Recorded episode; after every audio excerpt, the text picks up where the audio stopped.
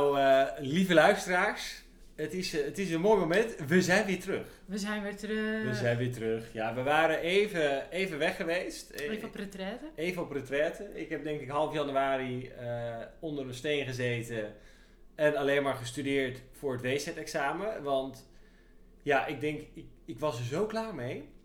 Zo, het leren sowieso, Ja. maar iedereen die continu maar zegt, ja nee, door corona. En ik was er ook gewoon klaar mee om corona als excuus in te zetten. Had ik ook de eerste keer wel gedaan. Dus dat moet ik wel even toegeven. Maar ik denk, ik was er gewoon klaar mee. En ik denk ook, een van de goede voornemens, want dit, dit is de eerste podcast van 2021, is ook gewoon minder eh, corona als excuus opgeven. En gewoon doen. Het beperkt ons wel, maar we kan nog steeds een hele hoop. Nadine blijft vanavond ook gewoon logeren omdat we gaan drinken. Dus het kan gewoon. Als je maar een logeerkamer hebt. Ja, we omzeilen de avondklok zo. En we moeten toch door. Ja, we moeten... Ehm, en ja, jullie kennen ons natuurlijk. Waar houden wij van? Bubbles. Bubbels. Yay. En, En- we dachten van ja, dat jaar is begonnen. Dat moet je altijd vieren. Dat moet je sowieso vieren. Ja. Eh, alleen hadden we natuurlijk ook al eh 10.000 keer eh, beloofd dat we iets gingen doen. Nou, 9 van de 10 keer dan doen we het dan allemaal weer niet. Maar nu hadden we dus, het thema is gewoon doen. Gewoon doen. Ehm, Ja, en er stond natuurlijk nog een to-doetje open. De Ja. hoeproefje. We, we hebben een hoeproefje opgenomen voor witte wijn, voor rode wijn. Maar de bubbel nog niet. Dus dat gaan we doen. We gaan bubbels proeven en Ja. eigenlijk gaan we het ook legitiem doen. Ja, en ook proef op de som, want we hebben hier een lekker flesje staan. Ja, we hebben een, eh, een flesje die eh, is mede mogelijk gemaakt door eh, onze vrienden van Vinites. Ja, daar hebben we natuurlijk de Clos de Goisse mee gedronken. yes, we did. De top QV van Philippe Nat. Want Ja. eigenlijk hadden we ze toen ook gewoon een mailtje gestuurd van... Goh jongens, ehm, we hebben dus die Clos de Goisse een keer op een lijstje zien staan. Ja, ja, ja. Althans, dat had ik natuurlijk op een lijstje staan. Ik denk, dat Ja. vind ik wel leuk om een keer te proeven. En toen hadden we wel gevraagd van... Goh, eh, we willen er ook voor betalen. Het is niet dat we alle- alles maar gratis bij elkaar leuren. maar toen zeiden zij van... Nou jongens, jullie krijgen gewoon drie hebben- flessen Philippe Nat. Ja, en we kregen dat natuurlijk ook deels van, eh, van, van het wijnhuis. Ja, Het kwam rechtstreeks uit de E.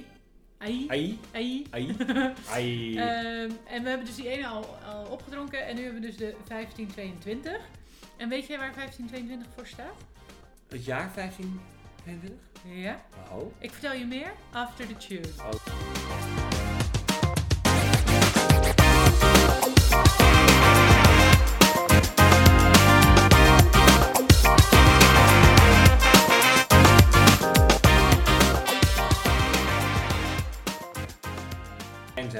Er zijn natuurlijk ook meerdere, maar wij zijn natuurlijk wel de eerste.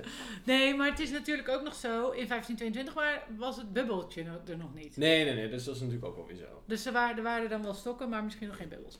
Enfin, ehm, ja, nog eventjes over deze wijn. Het is 70% Pinot Noir, 30% Chardonnay. Alleen maar van Grand Cru eh, wijngaarden.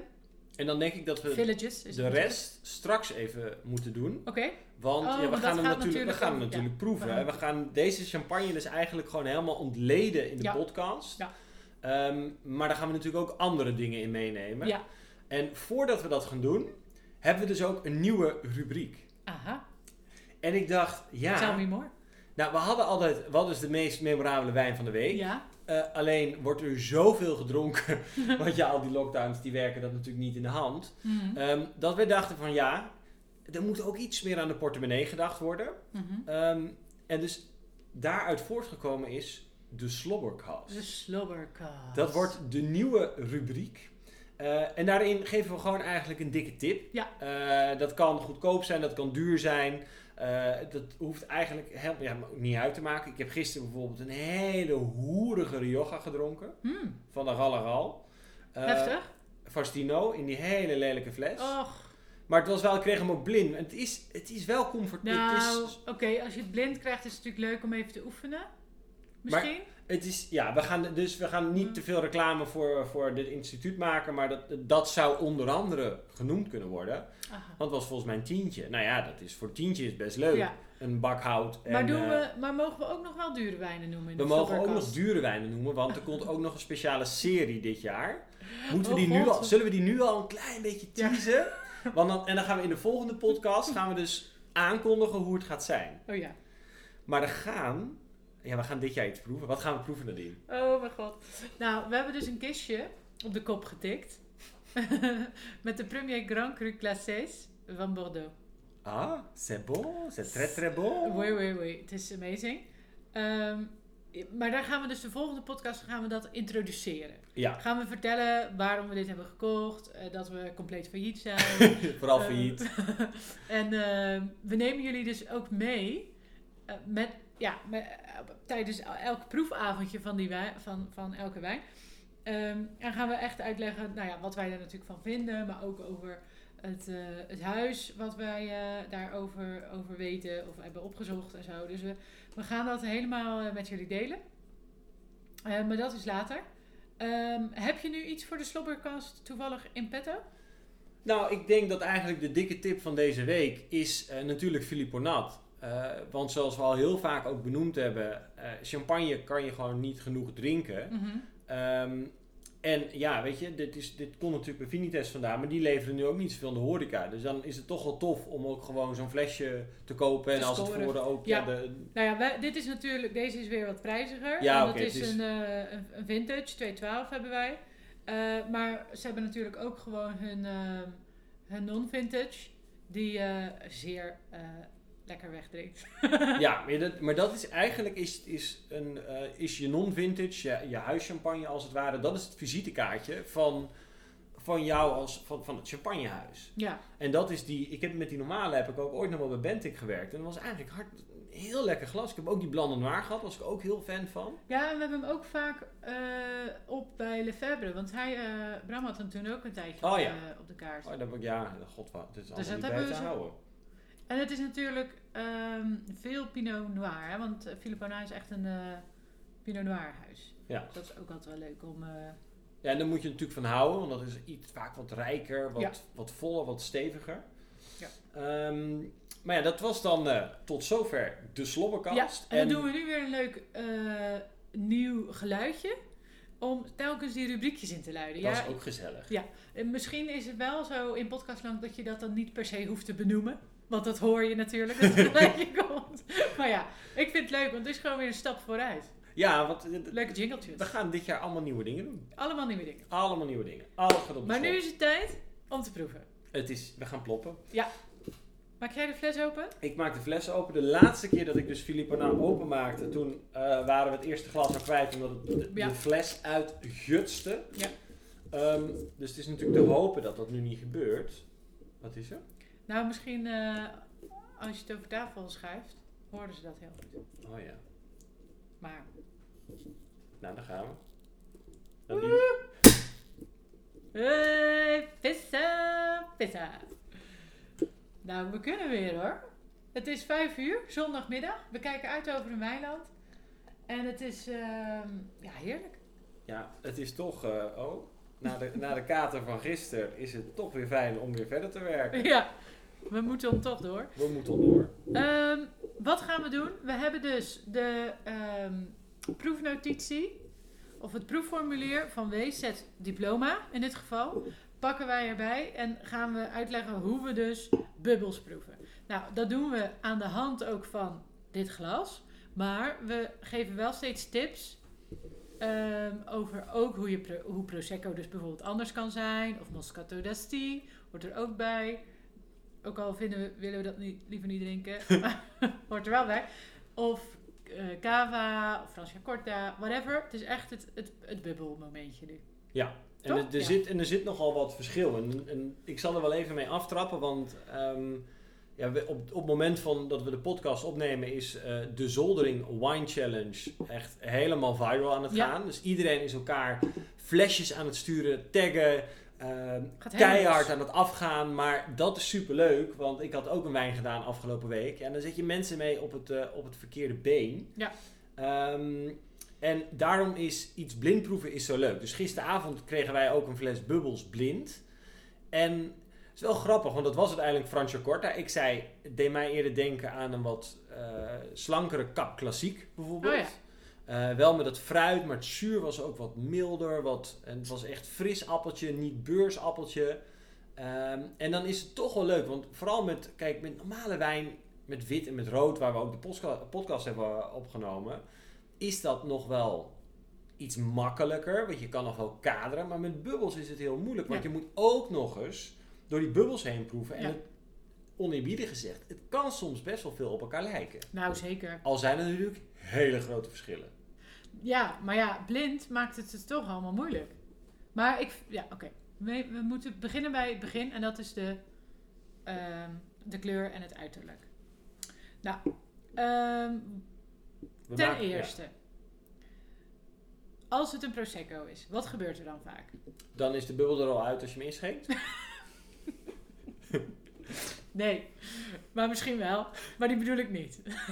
nee, wat gebeurt er met die rand? Ja, dat is dus. ehm, dat, eh, wat ik nu ga zeggen gaat weer heel gek klinken. Maar in het Engels noemen ze dat een, een frothy rim. De frothy rim. Eigenlijk is het. gewoon- schuimkraag. Ja, het is, nou, het is gewoon alsof je glas aan het schuimbekken is, bedacht ja, ik. Ja, ja, ja, ja, goed. Dat, dat klopt. En dat heeft te maken met de tank method. En dat is dus iets wat bij nou, ja, Prosecco gebeurt. En dat is ook weer niet, zeg maar, pin ons er weer niet op vast. Want het heeft ook weer te maken volgens mij met je vaatwasser of je afwasmiddel. Ja. Want niet overal En je glas. En of En er zeg maar onder in je glas dat, dat, dat puntje. dat puntje is gedaan waardoor die bubbeltrein goed in orde is. Ja, dus het heeft wel met veel dingen te maken. Maar eh, als je zeg maar drie wijnen naast elkaar zou hebben, één daarvan is Prosecco, is de kans groot dat daar dat, dat schuimkraagje komt. Dus het is in ieder geval even een indicator die je kan meenemen. Maar goed, oké. Dan Dan- verder. Dan verder. De eh, kleur. de kleur. Nou, dat kan ook. eh, over het algemeen denk ik allemaal dat ze licht citroengeel zijn. Ja. Eh, met een aantal. Kijk, als, als mousserende wijn oudert, dat is in principe ook met hoe het gaat met normale wijn. Ehm, dan, eh, ehm, ja, dan, dan, dan verandert die kleur. Mhm. En ja, dat, dat is het gewoon. Dus dat geldt ook voor mousserende wijnen. Klopt. Dus dan wordt het wat donkerder. Dan wordt, er, dan wordt het bijvoorbeeld eh, gemiddeld citroen of misschien licht goud. Kan een beetje naar lichtgoud ook Ja, wel gaan. ja. Hoor. Dat, eh, ik heb daar wel voorbeelden van gehad die Jazeker. inderdaad lichtgoud Nou, waren. Ik denk terug, Ja, ja, maar dat is sowieso eentje die veel kleuren heeft. om er maar even zomaar eentje te noemen. Ja, ja. Maar op ons examen toen eh, hadden we Louis Roederer vintage, toch? ja, dat was heel lekker. Die heb ik toen opgedronken. Want ik denk, ja nou, 250 euro voor zo'n examen. Ik wiek alles weg. Ja, precies. Maar toen zat er ook weer zo'n vieze, vieze... Nou ja, er zat een Prosecco Nee, een tussen. Asti of zo Nee, het was, het was een Asti zat ertussen. Nou, die heb ik uit, uit de spanning heb ik die, zelfs die opgedronken. maar toen zat er eentje tussen. Ik dacht, dit ga ik niet opdrinken. En dat was dus een Australische Australisch. tank method. Ja. Dat was ook, dat was ook zo genaaid. Ja, ja. Maar ja, Je, ja, het, gaat, het is zo. We gaan door naar de, naar de neus. En ehm, daar hebben we wel een aantal tips. De makkelijkste tip. Nou, eerst zou ik zeggen dat je eh, moet achterhalen van... Oké, is de tank method gebruikt of is de traditional method gebruikt? Toch? ja. Dat is wel een beetje Ja, ja. zo'n eerste ah, weggevertje. Nou, dit is natuurlijk champagne wat we in het glas hebben. Ja. Ehm, maar als je een tank method hebt, dus een prosecco, omdat dat eh, of, of een Of sect kan ook, hè? Ja. Kan ook via de tank method gemaakt worden. Ehm, alleen omdat dat op zo'n grote schaal gebeurt, ehm, in zo'n kort tijdsbestek, Ja. is een prosecco altijd super primair. Mhm. Eh, Heel fruitig. heel fruitig. Dus bloemig het appel, citrus, bloemig. echt Perzik. dat, dat persik, echt dat bijna florale kan het soms Ja. hebben. Ehm, en ook, maar nee, daar daar komen we straks op, dus ik zal niet op de zaak vooruit lopen. Dus echt dat super frisse. Dan cava. Maar niet alleen het super frisse natuurlijk, het is het super fruitige. Ja, het super fruitige. En met een heel klein beetje geluk iets gistigs. Maar Ja, maar dan is het, dan is het inderdaad dat echt meer gist. En meestal zit het er natuurlijk niet in. Nee. Omdat gist niet echt een rol speelt in het proces. nee, nee dat En wordt er gewoon gist- op grote schaal aan toegevoegd. En eh, Ja. een beetje pruttelen en door. Nou, precies. En bij ehm, die champagnes, die traditional method, daar is natuurlijk eh, de surly aging, wat je naar voren krijgt als eh, brioche of eh, de croissantjes Ja. of whatever. En dat geeft dus aan van, oké, het is traditional method. Ja, en dan heb je natuurlijk, ehm, want dat is ook wel belangrijk, het is ook enigszins ook druifafhankelijk, vind ik. Want Prosecco wordt dus gemaakt van Glera. Nou, even daarop terugkomen. Oh ja. Noemen ze Prosecco Glera, omdat, of noemen ze de druif Glera, omdat eerst heette de druif Prosecco, maar het gebied was ook Prosecco. Dus wat gebeurt er dan? Je kan Prosecco aanplanten in Duitsland en iets Prosecco noemen. Precies. En dat is nogal verwarrend voor de consument. Nou, dus dat, is, eh, dat, mocht allemaal niet meer. Daar hebben ze een stokje voor gestoken. Dus dan hebben ze de, de meest vieze naam verzonnen die niet catchy is. Nou, toen zijn ze met Glera op de proppen gekomen. Eh, al mag je ook met andere druiven ook werken in Prosecco. Alleen Glera is gewoon relatief neutraal. Prosecco moet je ook altijd jong drinken. Maar dan heb je Cava of Corpina. Eh, en als je daarnaar kijkt en je pakt even de klassieke druivenras, want ook in Spanje wordt gewoon ook eh, wel cava gemaakt van Pinot Noir, Chardonnay, zelfs een beetje Meunier. Eh, maar cava van de traditionele druivenrassen is eh Chiarello, Macabeo, Paralada, Mastrel. Dat zijn in principe de, de vier mainstream authentieke cava druiven. Mhm. Een trepa. Ja, waarin dus een trepa, ja, eh, waarin vaak Chiarello een groot aandeel kan hebben. Ja. Ehm, maar wat voor mij altijd, maar dat is echt persoonlijk, eh, ik heb heel vaak met blindproeven dat ik denk rubber. Ja. Ik heb iets van rubber, iets lijmigs en dan denk ik, ja, dat is Chiarello. En Of- dus cava. En dus cava. En dan, ik, ik heb het zelfs gehad, weet je nog, die keer dat we bij Holset waren en dan hadden we die Recaredo. Ja. Zo'n hele chique Recaredo 2004. Dat je echt denkt van, die had ook wel meer dan 100 maanden op de lieg gelegen. En ik had alsnog rubber. Dat we uiteindelijk zoiets hadden van, het is eigenlijk zo zonde, maar we gaan hem gewoon niet opdrinken.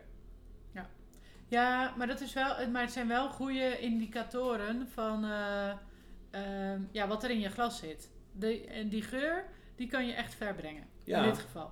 Eigenlijk altijd. En dan denk ik ook nog dat we eh sect even moeten aanstippen. Ja. Bijvoorbeeld een Riesling sect. Ja, Waarin je ehm, een beetje dat fris appelige, zuurstokachtige ook wel kan hebben. Maar echt een beetje fris mineraal. En natuurlijk ook die zuurtegraad. Maar echt een beetje dat, dat appeltjes en peer idee.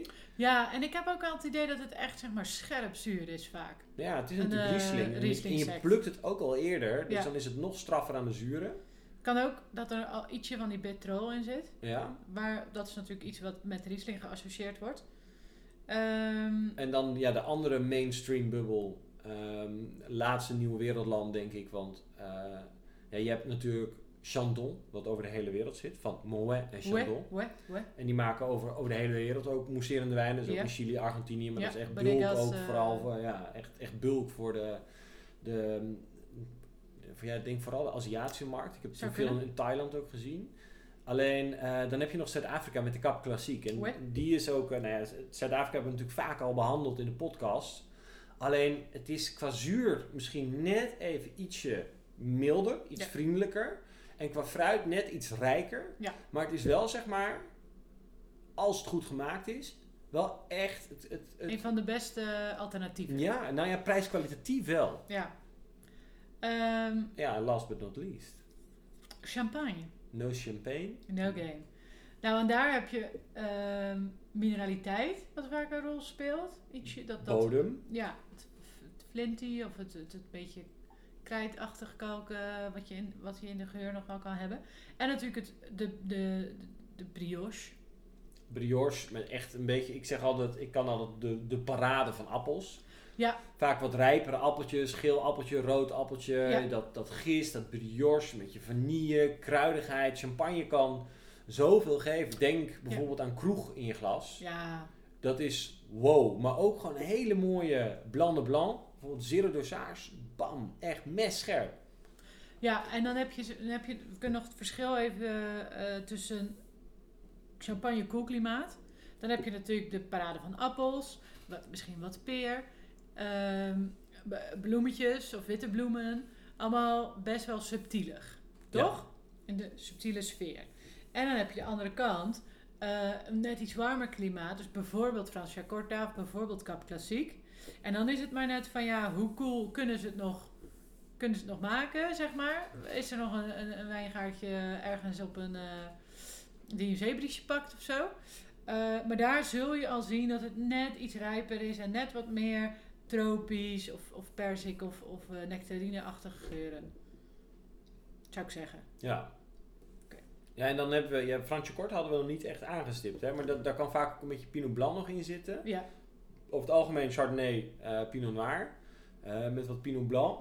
Maar het is, net zoals ik al zo- straks al zei, dat toen ik hem blind ging proeven, het, het mist net alles wat champagne heeft. Ja, nou en het probleem ook volgens mij bij Corta is dat ze nog te veel bezig zijn met een versie te maken van champagne Ja, in het- Francia Het is, het is niet... Terwijl ze natuurlijk ook gewoon hun eigen handtekening erop kunnen zetten. Ja, En- ik heb altijd zeg maar tot nu toe en ook wel echt met het duurdere, ja, het is het toch alt- net niet. altijd het net niet gevoel. Ja, Het is een beetje Terwijl het dus eendimensionaal. wel veel geld kost. Ja, ja het, is echt gewoon, die, die fles van, eh, van gisteren, die was ook gewoon 30 piek. Maar ze zouden eigenlijk gewoon wat meer hun, hun eigen Ja. en klimaat moeten omarmen.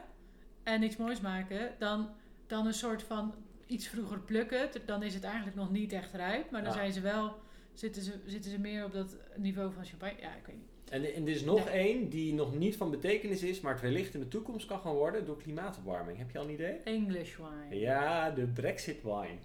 Nee, en eh, aan de andere kant van het kanaal wordt natuurlijk ook mousserende wijn Nou, gemaakt. en ik vind echt Ridgeview, eh Night Timber Die zijn geweldig. zijn Dat geweldig. zijn hele mooie voorbeelden. Ja. Dus, en dat, dat komt ook wel echt, zeg maar, dat is nog wat meer cool climate dan de champagne. Ja. Met wat meer regen. Ja. Dus je hebt echt nog wel wat meer vintage variatie. Ja, en ik zou ook weer wel zeggen scherpere zuren misschien. Ja, het is net even kan en ze doen natuurlijk ook nog niet zoveel met de reservewijnen, omdat ze die gewoon nog niet hebben. Nee. Waardoor het ook allemaal ja, dus scherper is. En dat is En dus ook complex. weer waarbij je dus ook in champagne vaak iets kan, ook al is het non-vintage. Het is vaak wel, want je bent ook gewoon verplicht om die reservewijnen per, per oogst weg te leggen. Die reservewijnen, dus die dus uit een Solera systeem bijvoorbeeld komen Ja. of eh, gewoon uit het vat komen. We hebben toen bij ehm, onze vriendin van eh, min 7 dat ook geproefd. Eh, maar dan die oudere wijn, als je die aan de jonge wijn toevoegt, dan, dan blijft het grootste gedeelte natuurlijk jong. Ja. Alleen door de oudere wijn aan toe te voegen, heb je toch wel die extra laag, Ja. die extra dimensie. Het geeft toch wat meer complexiteit. En dat is dan toch wel echt ja, champagne. Er is, we kunnen het niet vaak genoeg zeggen. Het is een van Dat de meest... Complex gelaag en, en gelaagde wijnen. Dus dat is gewoon iets waar, waaraan je ook wil blijven ruiken. Ja, Dus als je al die facetten hebt, dan weet je, oké, dit is champagne. Heb je dat niet, heb je bijvoorbeeld wel een klein beetje brioche, dan moet je misschien kijken naar, oké, ehm, ja, dat kan dan iets anders zijn, maar wel volgens traditionele methode. Ja. En als het dan ook nog eens echt dat hele rijpe fruit heeft, eh, dan moet je misschien denken aan Nieuwe Wereld. ja. Kleine Ja. samenvatting.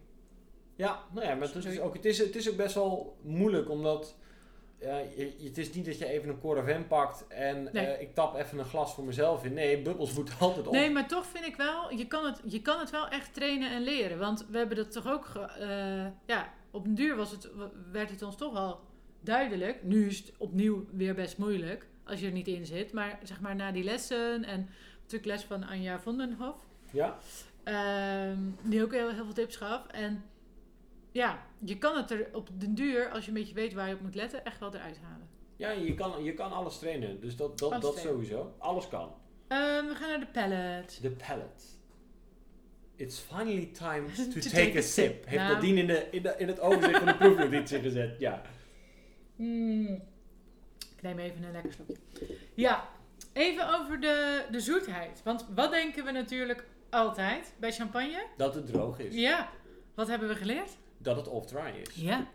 En dat is ook wel weer logisch. Want ja, als je kijkt naar, de, nou ja, misschien niet deze, want dit is extra bruut.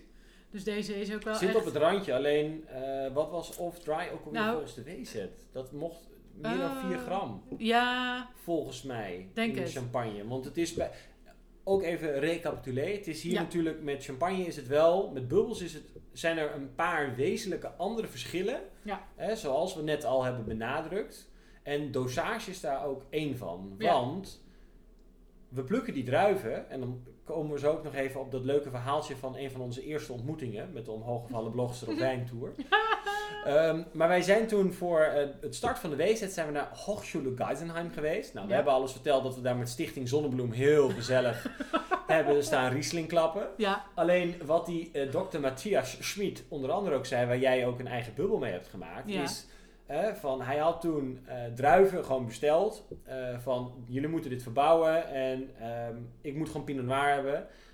Alleen, er was even niet bijgezegd dat die Pinot Noir voor mousserende wijn was. ja. En daar zit dus het wezenlijk verschil. Want als jij bubbels maakt, dan pluk jij dus op een potentieel alcoholpercentage, dus suikergehalte in de druif, tussen de 10 à 11 eh, procent. Ja.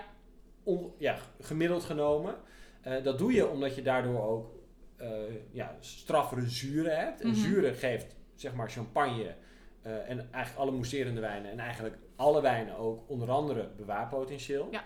Ehm, maar net als met een goede Riesling moet je dat zuur in veel gevallen ook uitbalanceren.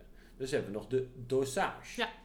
Nou, en het is natuurlijk ook zo dat ze, die, dat, ze dat op dat punt plukken, omdat er tijdens de eh, tweede gisting in de fles natuurlijk ook nog anderhalf procent Ja. bij komt. Dus, en anders zou je natuurlijk eh 15 procent hebben. Ja, en dat is dus toen gebeurd op Weisenheim. Daar hadden ze dus gewoon de Pinot Noir gewoon lekker een beetje laten groeien, zoals het normaal gaat. Allemaal Ja. leuk en aardig. Oh ja, nou die had 13,5% alcohol. En toen moest het nog mousserend gemaakt worden. Ja, Nou, dat is 13,5 helemaal plus mis. nog 1,5%. Uiteindelijk hadden ze een mousserende wijn met 15% alcohol. nou, jullie weten wellicht, bubbels neem je sneller op. eh, of de, de, door de bubbels in champagne. eh, het eerste glas is zo lekker omdat het een beetje tintelend is. Je krijgt er zin in omdat je die alcohol sneller opneemt in je bloed. Ja. Nou, moet je nagaan hoe dat ook nog gaat met 2,5% erbij op en je staat te dansen op tafel. Nou, big time. En ik denk dat je ook wel hoofdpijn krijgt Ja, na verloop van tijd. ja het is wel heftig. Het is heftig. Ehm, ja, dus we moeten misschien ook nog even zeggen hoe die dosage dus in elkaar zit. Dus eh, je hebt natuurlijk bruut natuur. Dus dan is er geen eh, suikers aan toegevoegd. En extra bruut zit eh 0 tot 3, dacht ik. 0 tot 6. 3 Ja. tot 6. Ja, het is, het, is, be- het is best wel, want je hebt bruut mag van 4 tot en met 12 volgens Zes. mij. 4 tot en met 6. Nee? Ik weet het. Oké, ik Dus zal me even de bruut niet mee is- bemoeien. Nee, maar ehm bruut is van 6 tot 12. Ja. dacht ik. En extra bruut is van 0 tot 6. En daar zit volgens mij dus die zero dosage ook in. Maar als je eh zero dosage, dan heb je er dus echt niks aan toegevoegd. Maar dat kan natuurlijk nog wel een klein, kan natuurlijk nog wat restsuiker hebben. Maar we doen hier een plaatje van eh, bij de show, bij een, ehm in Ja, de zodat show je even het overzicht zodat hebt, dat zodat we niet zeg maar van die Duitse tafereelen krijgen van de Duitse podcast, waarin ik gewoon ook, nee, we gaan het doen. dat ik gewoon bang was om te praten. Ja, nu ben ik weer zo'n tiran. Ja. Wat erg. Ehm, maar goed. De extra bruut hebben we dus hier. Nou, dat is dan denk ik wel droog. Eh, maar ja, er zit gewoon niet zoveel gram suiker in. Maar weet je nog de Charles Heidsieck eh non-vintage? Mhm. Die we ook toen hadden in onze superklapperbox. Ehm, 11,8 volgens mij. ja, die was echt best wel Net veel. op het randje van, Ja. eh, van, want er staat ook bruut op. En ik had van de week nog een discussie, hoe zit dat nou? Want je mag maar tot 12 en ik dacht, zat hij nou nog op meer? Maar dat is, ze zijn dat ook weer een beetje aan het afbouwen nu. Oké, maar goed, dan zie je dus maar weer dat dat, is, dat is ook dus echt off-dry. Ja, Maar, maar, dat, in deze twijfel ik. het, het is, het, eh, wat je hebt is het drogende wat je hebt. En dat komt door dat samenspel van die zuren. Hij heeft Mhm. iets drogends. Mm, Dat, ja, ik had hem waarschijnlijk alsnog, omdat het vaker off-dry is dan, dan dry. Het is wel een safe bet. Ja, Eh, want 9 van de 10 keer is het gewoon off-dry. En dat is, dat is moeilijk om dat te detecteren, want ja, je hebt natuurlijk ook hele hoge zuren. Dus je moet gewoon echt op die dos. En bijvoorbeeld, dat, is, dat, dat geldt dus voor champagne. Maar Prosecco is dus off-dry of nog erger. Ja, eh, medium dry misschien wel. Ja, want Prosecco heeft over het algemeen, eh, en dat is, ook, dat is ook een beetje misleiding van de consument. Dus je, je- het, is, het lijkt ook wel alsof ik op een soort van hetze ben, jegens Prosecco, wat ook waar is. Ja. Ehm, maar kijk, in, in, eh, in champagne of bij een cava, kijk, staat er demi sec op, bijvoorbeeld, dan weet je wat je kan verwachten. Ja. Staat er bruut op, dan weet je wat je kan verwachten. Bij, de- je hebt zelfs prosecco's, daar staat op extra dry, dan, heeft het alsnog, en dan is het gewoon zoet. Ja, Dan heeft het 12 tot, tot 14 gram restsuiker bijvoorbeeld. Dus je noemt iets extra droog, maar het is alsnog gewoon zoet. super zoet. We doen ook even zo'n kaartje erbij van de Prosecco eh, dosages. Ja, maar dat is een, een, een- over het algemeen is Prosecco is en een Dusty Maar ja, dat is al zoet. Ja, En heeft laag alcohol. Ehm, dus dat zijn wel zeg maar de uitzonderingen erop. Ja. Ehm, maar dat als je dus ook zeg maar een schuimbekkend glas hebt... Waar eh, amper een bubbel in zit... Nou, en je ruikt alleen maar appel of perzik... Precies, het is heel floraal en heel eh, fruitig. dan kan het dus Prosecco zijn. Dan moet het prosecco. Ja, en voor de rest geldt over het algemeen, eh, als de moes gewoon normaal is, ehm, het, heeft zeg maar zowel primair als secundair in de neus. En misschien wel tertiair nog en een misschien beetje. wel tertiair, maar ook altijd een beetje als je dat gistige hebt, of in ieder geval iets van gist, dan weet je, dit heeft gewoon waarschijnlijk wel tweede vergesting op de fles gehad. Ja. Maar dat is het mooie, dat is bij dit allemaal moeilijk, maar het geeft je wel een beetje houvast. Nou, en het is een leuk bruggetje, want eh, zo noem je die, ehm, die geuren. En zo gaan we naar de zuren. Want dan kunnen we kijken van, oké, het is traditionele me- methode. Dat hebben we op basis van de geuren kunnen concluderen. We hebben dat brioche en zo. Dus wat eh, we dan kunnen doen, is kijken naar die zuren. En is dat high? Dan weten we, koel klimaat, dat is champagne. Want niks heeft zulke hoge zuren als champagne. Nee. Eigenlijk. Engeland kan misschien nog Ja. door het klimaat Maar die doen ze gelukkig nog niet in de... Of een, of een Riesling sect, maar die zul je waarschijnlijk... Nou, dat is Ja, Riesling zou nog wel kunnen. Maar Ja. dan zit je al niet op die, eh, op die enorme complexiteit, denk ik. nee, in de nee, neus. nee, nee. Ehm, maar goed. Eh, dus dan kunnen we kijken van... Nou ja, hoog is de champagne. En dan is medium mm, plus... Zitten we in Franciacorta. Ja, Cava. ja, Cava kan denk ik ook wel medium zijn. ja. Soms. Ehm, ja, dit, want Cava, dat is natuurlijk logisch. Het is een wat warmer klimaat. Stuk Maar dat is, dus ook, dat is dus wel weer afhankelijk van welke druiven het zijn. Hè, want als cava gewoon klassiek is, bijvoorbeeld Cerello, Macabeo, Paralada, Monastrell, Mhm. ehm, dat zijn wel authentieke Spaanse druiven. Maar als je op diezelfde plek bijvoorbeeld Chardonnay of Pinot Noir neerzet, dan zou je bijvoorbeeld echt de hoogte in moeten gaan. Ja. Dus eh, om, om zeg maar meer verkoeling op te zoeken. Dus- Maar heb je wel eens een Cava gedronken met high acidity? ja, ik drink het niet meer zoveel. nee, maar volgens mij... Denk, Is dat er eh, bijna niet? Ik denk, is voor wel- cava is het denk ik me- meestal wel medium plus. Ja, op zijn hoogst, zeg maar. Op zo, maar bijvoorbeeld Corpinat denk ik dat ook wel high kan hebben hoor.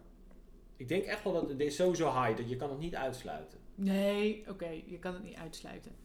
Maar, Maar ik denk wel... Logisch gevolg, klimaat. Ja, en het natuurlijk wat rijper fruit. Sowieso al. Vergeleken met champagne. Ja. Bon, bon bloc. Ehm, de body. Oh ja, dat is ook wel leuk. En die is eh, verwarrend, vonden wij toen. Vonden wij toen, maar nu snappen we het. En nu snappen we het. Nu is het logisch. Maar die body moet je eigenlijk gewoon weer... Die, die, die moet je eigenlijk weer zien net als in vergelijking met alle andere wijnen. Zo is het eigenlijk het makkelijkst uit te leggen. Dus in vergelijking met alle andere wijnen is, is een bubbel gewoon altijd licht. Ja. Zo moet je het gewoon zien. Door de die bub- bubbel. Ja, En het alcoholpercentage, omdat je bijna er altijd van uit kan gaan dat het tussen de 11 en 12,5 procent maximaal is. Ja. Als het om dit soort methodes gaat. Ja. Uitzondering voor Moscato d'Asti bijvoorbeeld, want dat is qua alcohol lager, Ja. zoet mousserend. Maar ja. het is gewoon altijd licht. En heel misschien, zeg maar, dus zo'n Krug of weet ik veel, de Clos de Guas.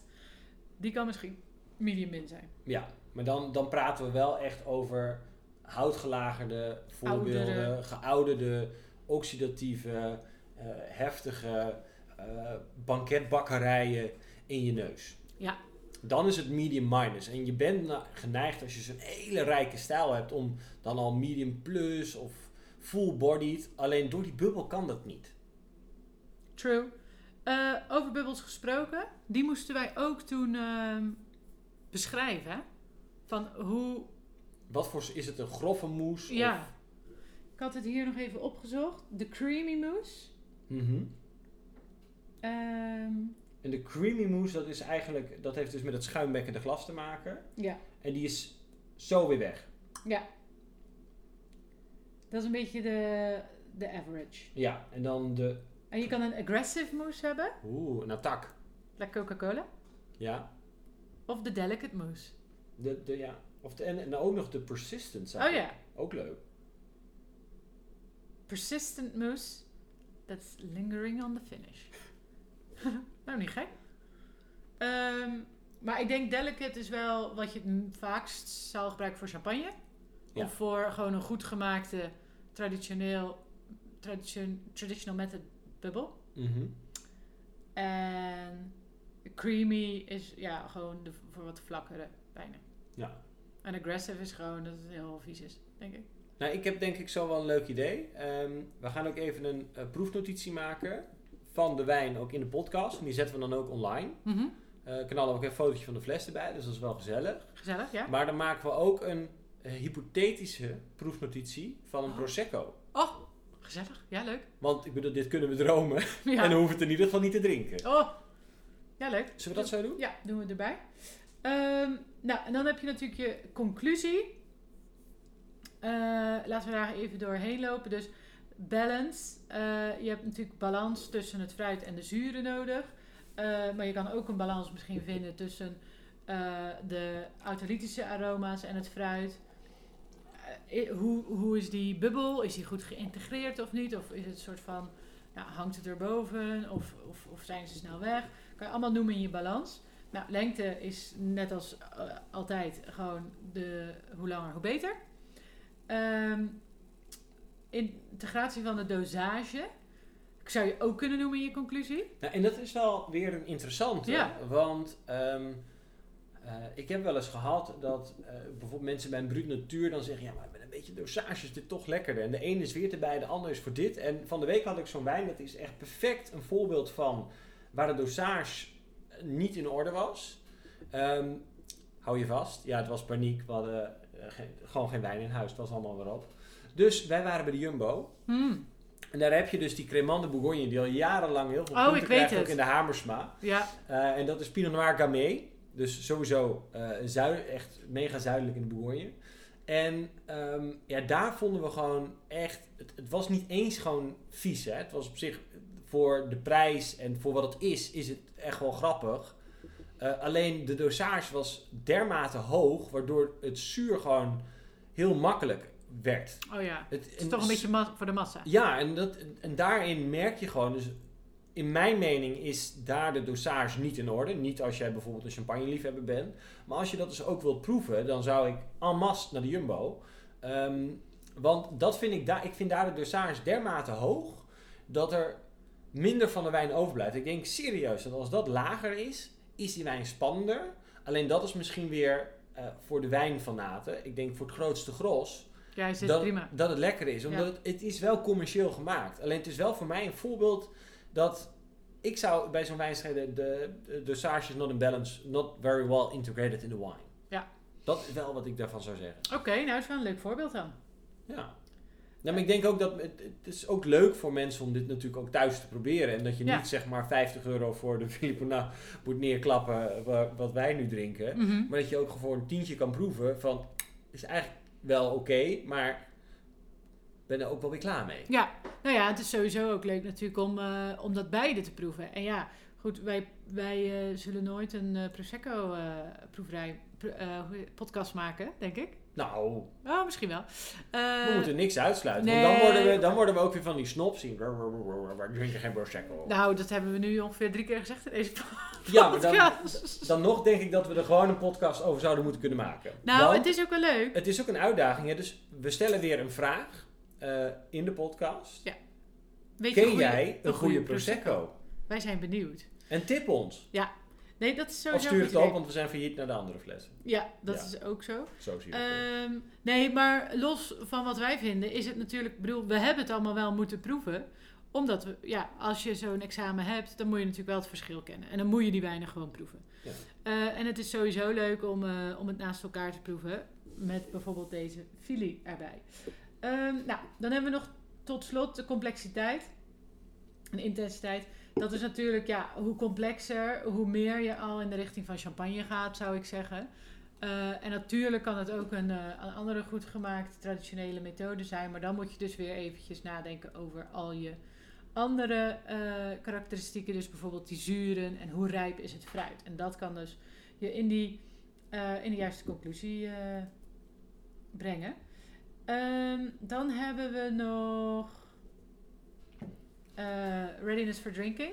Nou, eigenlijk moeten we wel stellen dat er meeste wijnen, sparkling, eigenlijk niet, niet beter worden door oudering. Dat is niet wat wij vinden, want wij houden van eh, eh, oude eh, champagnes. En het kan ook heel goed En het ouderlijk kan. door de zuren. Maar volgens WZ Ja. moet je zeggen dat het meestal, eh, op, ja, meestal niet, niet Not intended for aging. Ja, of dat het niet beter wordt door aging. Nee, dan, dan denk ik dat we meteen, want eh, weer dat voorbeeld kunnen aanhalen van eh, eh, weer zo'n lockdown drinken evenement. Ja, je moet toch wat. Was die Charles Heidsieck, die 1990, eh, Ja. 95 en 2000. Ja. En dat was gewoon de non-vintage. De non-vintage die ze gewoon Klopt. in die kelder hadden weggelegd. Ja, nee, En- het kan ook wel. En misschien als je genoeg tijd hebt, dan kan je een heel epistel schrijven over waarom het wel kan. Maar je hebt nooit tijd. Maar je hebt nooit tijd. En ja, dat is toch een beetje wat zij, wat zij eh, eh, zeggen. Ja. Maar wij vinden dat natuurlijk zeker wel. En wij houden ook van oudere champagnes. ja we zijn, dat is geweldig. Dat is geweldig. Oké, Jan-Jaap. We hebben een nieuwe rubriek. Want we zijn nu klaar met het hoofdonderwerp. Of wil je nog iets toevoegen? Moeten we de proefnotitie nog maken? Ehm, nou, die, die kunnen we ook in de show notes zetten. Ja, wil maar hem nog even live doen? gewoon even live. Even live. Even live. En dan, let's go. eh, Oké. dus, we hebben nu de champagne eh, in het glas. En dan gaan we zo eh, de Prosecco verzinnen.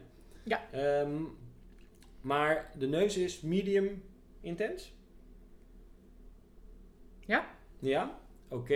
Ik heb primair de parade van appel. Zeker. Maar ik heb Groene een beetje... appel, gele appel. Ja, groen en geel vooral. Ja. Rood zit er wel een klein beetje, maar het is wel echt... Het is nog aan de frisse Ja. kant zelfs. En ik vind ook een peertje zit erin. Peertje, ja. En dan hebben we natuurlijk eh brioche, croissant, eh, een beetje Ja. iets van gebrande noten. Notig vind ik het zeker, een beetje Ehm, hazelnootjes. En dat is ook logisch. En er zit ook iets, bijna tikkie floraals in, maar het is ook gewoon 70% Pinot Noir. En dat kan net even wat, wat, wat voller, wat meer body meegeven. ik vind het ook een klein beetje zo'n zo'n eh, gebakken eh, witte boterham. Beetje toast. Een tosti. Tostietje. Hmm. Zonder kaas wel hoor, zonder kaas. Oh ja. Nou, dus dan hebben we dat. Ja? Nou, dan ehm, mogen we proeven, denk ik, hè? Ja, had ik al wel een beetje gedaan. Ja, het heeft sowieso primair, secundair. Misschien dat je hier zelfs nog wat techjers in Nou, kan die vinden. nootjes, Die vind ik nootjes, wel. ja. Ja. Hazelnoten. It's finally time to take a sip. Ja, We Ik hebben- zou hier toch zeggen dat dit dan wel eh, dus droog is.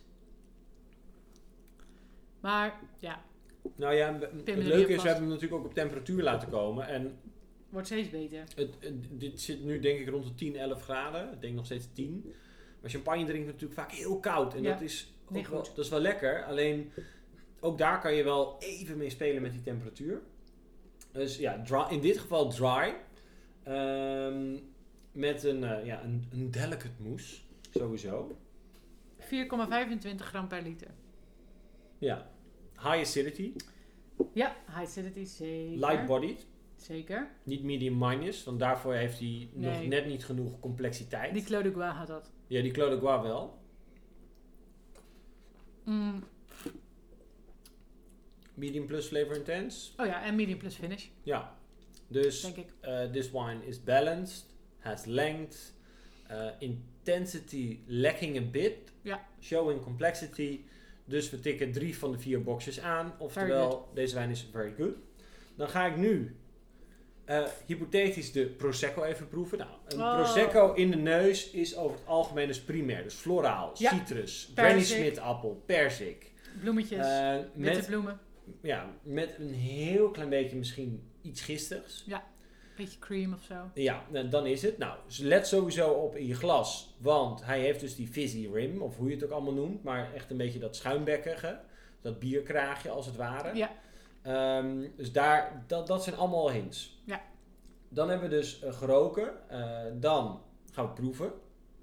Ehm, ja, en dat is eigenlijk, je proeft hetzelfde als wat je hebt in de neus. Of dry of eh, Medium dry. Want Prosecco is over het algemeen veel zoeter dan we denken. Ehm, de wijn is sowieso light-bodied. Ja. Ehm, medium zure, Medium zuur, medium plus kan. Alleen het is meestal eh, eerder rond de medium, omdat de dosage ook aan de hoge kant is. Dus Ja. dan is dat ook nog moeilijker te proeven. Ehm, medium minus finish tot medium finish. Eh, ja, en medium quality. En, ja. Of medium, eh, ja, dus medium, eh, dus dan is het een good, good wine. Want hij zal heus in balans zijn. Ehm, En voor zo'n goedkope klapper denk ik echt dat je op acceptable komt. Nou, of good. Good quality kan wel. Ja, ja Als dat, het kan zeker. Maar gewoon als je eh, zo'n frisant of spumante hebt. Ja. ehm, of een van de twee natuurlijk. Alleen ehm, het, het kan wel zo zijn dat als je zo eentje met draaidop koopt van 5 piek. Ja, oké. Maar dan, dan moet je misschien gewoon terugsturen. is, dat, is dat niet nog slechter dan acceptable? Nee, maar als je gewoon een normale... eh, de, de, de Loredan Prosecco van Platenberg vind ik bijvoorbeeld. Dat is prima gemaakt. Ja, Eh, die, die, ja, ik denk dat ik die gewoon op goed... Echt wel op goed zou zetten. Ja, hij ja, mist alleen... hij mist alleen wat, wat complexiteit natuurlijk, wat logisch is, want zo is die ook niet gemaakt. Met dat doel is die ook niet gemaakt. En ehm, ja, wat zou je dan nog kunnen zeggen? De intensiteit misschien. ja. Dus dat, die, dat, het, dat het overblijft en dat hij gewoon eh, good, good quality is. Oké. Bon?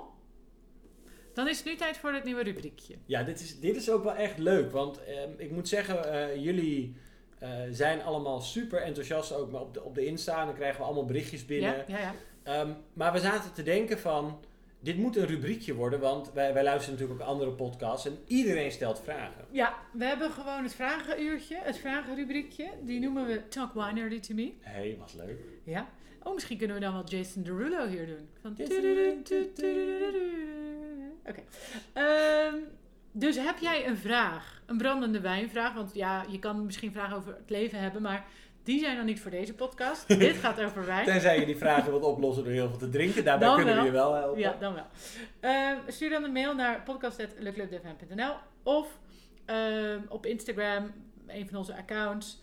Eh, je kan een spraakbericht sturen. Alles mag. Een mailtje, eh, Insta, wat, wat je wil.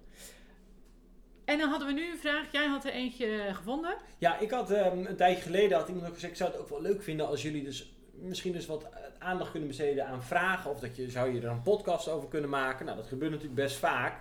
En uiteindelijk is het superleuk, want dan krijg je zo'n vraag en dat je, nou, soms weet je niet meteen zelf het antwoord. Dus dan moet je nadenken en dan moeten wij ook weer de boeken in. Ja, dat En dat is toch wel leuk, want stel dan dat we straks allebei WZ4 hebben gehaald. Ja. Ja, dan ga je natuurlijk weer niet vrijwillig dat boeken bijpakken. Nee. Ehm, dus daarbij hebben jullie hulp nodig. En de vraag ging eigenlijk over het feit dat ehm, eh, met de Coravan soms wijnen ook over de kop kunnen gaan. Mhm. En hoe dat dan kan. Ja. En hoe moet je dat dan bewaren? En waar ligt het dan aan? Ja.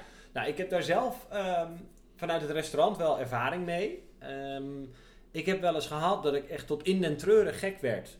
Dat ik denk, is die wijn klimaatkast nou lek? Ik denk, wat, wat is dit? Ik werd helemaal gek. Ook helemaal nijdig. Dat merk je nu alweer.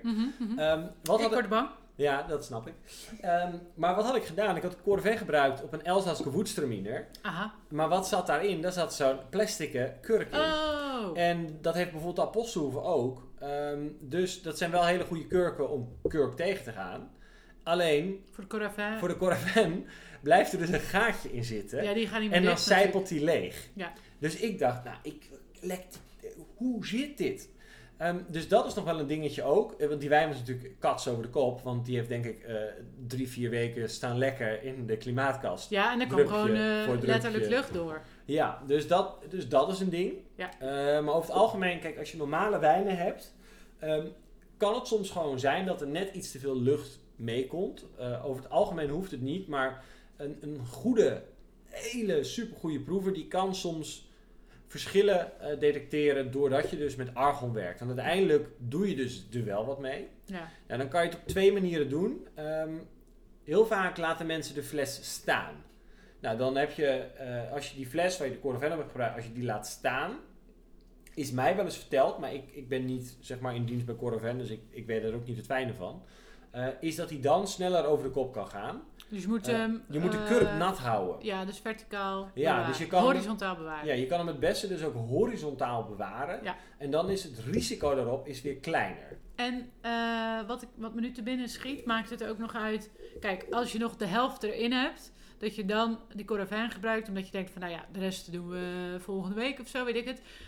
Ehm, maar zeg maar, maakt het uit hoeveel er nog in de fles zit? Dat denk ik mij- zelf namelijk wel eens. Volgens mij wel, want hoe groter de ratio wijn op gas wordt, Ja, dus hoe lager de wijn wordt, hoe meer het gas wordt, Ja. hoe meer risico er is dat, eigenlijk wel. Ja. dat, het, dat het gas vluchtig wordt. Of, eh, uiteindelijk is het zo, ehm, om chique dingen een paar keer per glas te doen, vind ik het heel goed. Ik kan echt, we kunnen allebei, absoluut niet zonder Coravin, überhaupt. Nee. Het is echt een van de meest geweldige wijnuitvindingen die er is. Eh, maar net als alles is niet alles helemaal feilloos. Dus het kan soms misgaan. Maar ja, het ligt er denk ik ook weer aan hoe lang je er dan eh, tussen laat. Kijk, als wij zo'n zo'n wijn op Coravin doen, dan is het wel binnen een paar maanden hebben we dat andere slokje ook op. Toch? Ja, ja, dat, Het is niet dat je een jaar nog op Coravin laat. Wat, wat ze wel eh, kunnen, volgens mij zeggen ze dat. Langer, dat ja, je ook, wel, ook wel, ja. Er is, er is zo'n vuistregel van het kan voor deze periode, maar in theorie zou het langer moeten kunnen. Ik heb wel eens wijnen langer dan een jaar op Coravin gedaan en dat kon gewoon. Maar het ligt er dan wel een beetje nog aan hoeveel er nog in Ja, zit. en daar zat bijvoorbeeld ook niet nog één glas in. Nee, precies. Eh, want dan denk ik ook van, dan moet je het gewoon lekker zelf opdrinken. Ja, en dat, dan is het ook vrij duur om dat te doen, denk ik. Ja. Omdat je natuurlijk, je moet ook die eh argongas betalen. Toch? Ja, Nou, ik hoop dat het is beantwoord. En zo niet, laat het eh, vooral weer weten. Eh, dan zijn we nu klaar met deze podcast. ja nee, iedereen weer bedankt voor het luisteren. Ja. Ehm, deze gaat dus eh, bijna al online. Op het Zeker. moment van opnemen, terwijl we hier naar de vogels en de, de, Oh, de grazende vogels in het weiland kijken. Ontzettend pittoresk. Een kaarsje erbij. Het is echt geweldig. Ik heb nog eh, twee mededelingen. Oh jeetje. Nou, we zijn natuurlijk bezig met de proefboxen. Nou, we hebben het moeten nog helemaal niet gehad Ja? over de reclame. We hebben nog niet onszelf gepromoot. Nee, dat wordt wel echt heel leuk. Want we hebben natuurlijk vorig jaar, nou ja, bijna een jaar geleden precies, hebben we die proefboxen bedacht en gelanceerd. Dat is als een malle gegaan. En nou ja, het werd nu maar tijd voor ons om dat is hele, helemaal eh, te vernieuwen. Dus, wat komt eraan? Jij mag het zeggen. Ja, het is geweldig, want er komen vier boxen aan. Ja. Ehm, de beginnersbox 2.0. Ja. Ken je klassiekers. Dus zeg maar allemaal inkoppertjes, maar wel gewoon lekker. En Ja. ehm, omdat mensen af en toe ook dachten van... Oh god, waren het niet halve flesjes? nu moeten we al die flessen zelf opdrinken. Het zijn natuurlijk wel zes flessen. Dus we hebben nu de beginnersbox. eh, ken je klassiekers 2.0. Dat zijn halve flesjes, maar wel met chique wijn. Ja. Dus dan kan je gewoon tof drinken, toffe, maar kan je het ook gewoon echt met z'n tweeën doen. Ja. Zonder dat je na zes volle flessen echt helemaal niet meer weet wat je op het laatst hebt geproefd. Dus Ja. daar is aan gedacht. Zitten echt hele gave dingen tussen. Nou, dan hebben we eh, de superklappenbox. Dat is eigenlijk ook best wel een grote hit.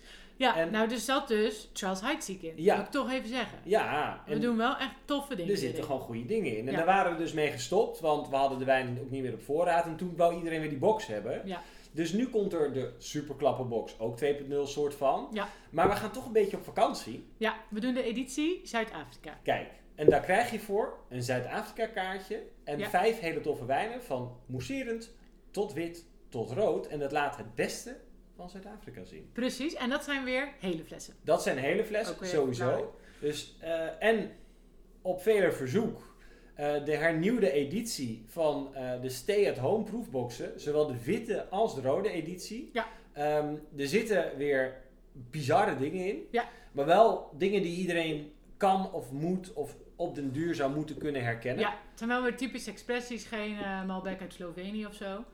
Ehm, en Oh, het zijn heerlijk. leuk.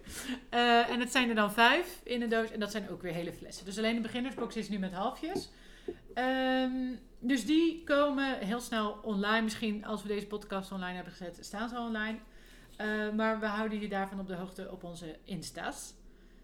Ehm, Ja, want je moet toch doorleren. je moet toch door. En ik had nog een mededeling. Dat was, laat alsjeblieft een recensie achter. Daar zijn we nog steeds... Dan eh, hebben we tenminste wat voor te lezen. Precies. En ook, ook bedankt voor de berichtjes van... Zijn jullie gestopt met de podcast? Waar zijn jullie? We, komen, we zijn terug. We leven nog. Ja. Ehm, alleen het was gewoon... Af en toe is het ook wel even... Kijk, we hebben natuurlijk eh, heel erg opgeschaald in, in december. Hè? Klopt. Met gewoon twee luiken. Niet Ja. te doen. Nou, en het was natuurlijk ook met het examen en zo. Het- we moesten heel eventjes pas op de plaats. Maar we komen weer lekker terug en we hebben hernieuwd, eh, een hernieuwde jingle. We doen alles nieuw en we hebben er heel veel zin in. Ja, het is geweldig. Mochten jullie ons nog willen steunen, dan kan dat via Petje Af. petje.nl, nee, via petje.af slash Le Club en Sommelier de podcast. Dat staat ook weer in de show notes. Dus allemaal super bedankt voor het luisteren. Check sowieso even uh, leclubdevin.nl voor de nieuwe proefboxen. En Yes. wij gaan nu lekker de Filipona wegdieken. Yo! Yo!